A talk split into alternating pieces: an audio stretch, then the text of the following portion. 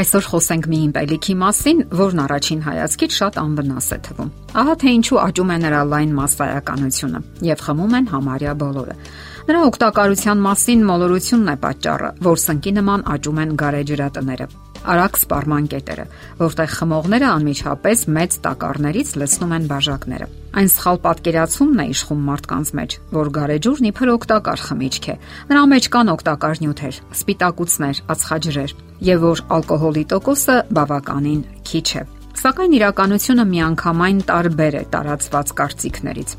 Իրականում գարեջուրը վնասում է եւ այն էլ բավականին լուրջ ձևով, որովհետեւ խմում են մեծ քանակությամբ։ Եվ այսպես, որ օրգաններն են տուժում առաջին հերթին։ Գարեջուրը առաջինը գրգռում եւ թունավորում է կերակրափողի, ստամոքսի եւ աղիների լորձաթաղանթը։ Այդ փրփրոտ հեղուկի կանոնավոր օգտագործման ժամանակ ստամոքսի պատերին գտնվող գեղձերը, որոնք ստամոքսահյութ են արտադրում, սկզբում շատ լորձ են արտադրում։ Իսկ ապա սկսում են հետ զարգանալ սննդի մարսողությունը դառնում է ոչ լիակատար։ Սնունդը կամ չի մարսվում, կամ էլ կիսամարս վիճակում անցնում է աղիներ։ Արդյունքում առաջանում են հիմնախնդիրներ կապված աղիների հետ, ինչպես նաև գաստրիտ։ Ալկոհոլը նաև լյարդի առաջին թշնամին է։ Լյարդը օրգանիզմի պաշտպանական վահանն է։ Նա է պատասխանատու օրգանիզմը թույներից մաքրելու համար ալկոհոլային խմիչքների, այդ թվում նաև գարեջրի կանոնավոր օգտագործման դեպքում լյարդում զարգանում են բորբոքային գործընթացներ, ընդդուք մինչև հեպատիտ։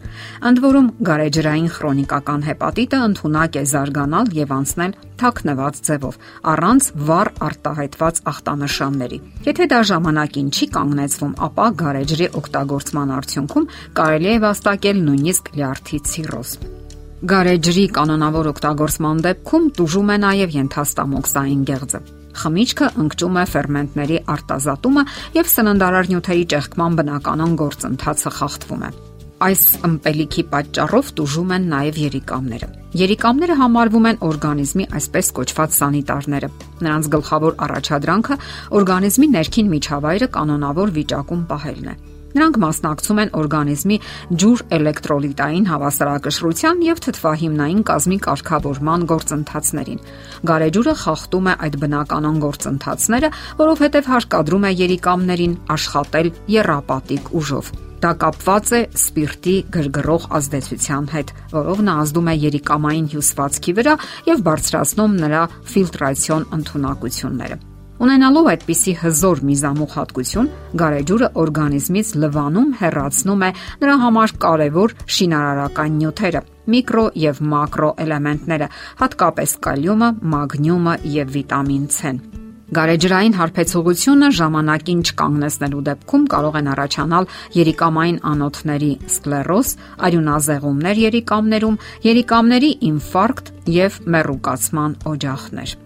Գարեջուրը շատ արագ է ներծծվում։ Այդ պատճառով էլ արյունատար անոթները անմիջապես լցվում են։ Առաջանում է երակների վարիկոզ լայնացում, մեծանում է սիրտը։ Ռենտգենաբանները այդ ախտանիշները անվանում են գարեջրային սիրտ կամ հորթի սիրտ կամ էլ նեյլոնե գուլպա։ Սիրտը թոշնում է, ներսի մակերևույթին ճարպ է առաջանում, հաճախանում են սրտի կծկումները, առաջանում է առիթմիա, բարձրանում է ճնշումը, սկսում են դժվարությամբ դիմանալ ֆիզիկական ծանրաբեռնվածություններին, առաջանում է հեվոց։ Գարեջրային հարբեցողների մոտ աճում է սրտի իշեմիկ հիվանդությունների զարգացման հավանականությունը Իսկ սրտամկանի կծկողական ընտունակության նվազեցումը, սրտի ծավալների մեծացումը հանգեցնում է սրտային անբավարարության եւ որպես հետևանք երկու անգամ մեծանում է ինսուլտից մահանալու հավանականությունը։ Գարեջուրը առաջացնում է նաև հորմոնային հիմնախնդիրներ։ Գարեջրի մեջ կա այսպես կոչված ֆիտոէստրոգեն նյութը, որը կանացի սեռական հորմոնի պրոգեստերոնի բուսական տարբերակն է։ Եվ այդ խմիչքի կանոնավոր օգտագործումը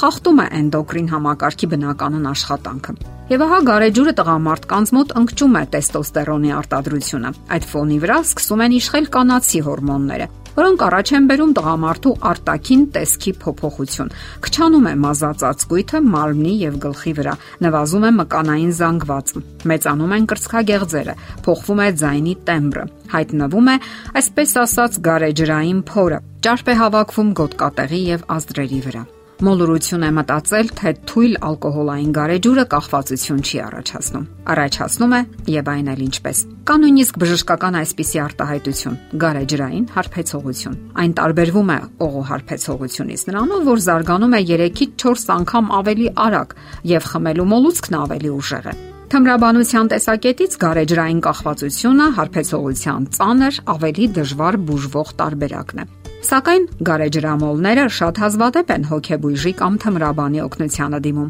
Առավել հաճախ նրանք բժշկի են դիմում սրտի, լյարդի, ստամոքսի գանգատներով, չկասկածելով անգամ, որ բոլոր դժբախտությունների գլխավոր պատճառը գարեջուրն է։ Դե ի՞նչ, մտածեք այս ամենի մասին այն ժամանակ, երբ ձեր ձեռքն եք վերցնում գարեջրի հերթական բաժակը։ Եթերում է առողջ ապրելակերպ հաղորդաշարը։ Ձեզ հետ է Գեղեցիկ Մարտիրոսյանը։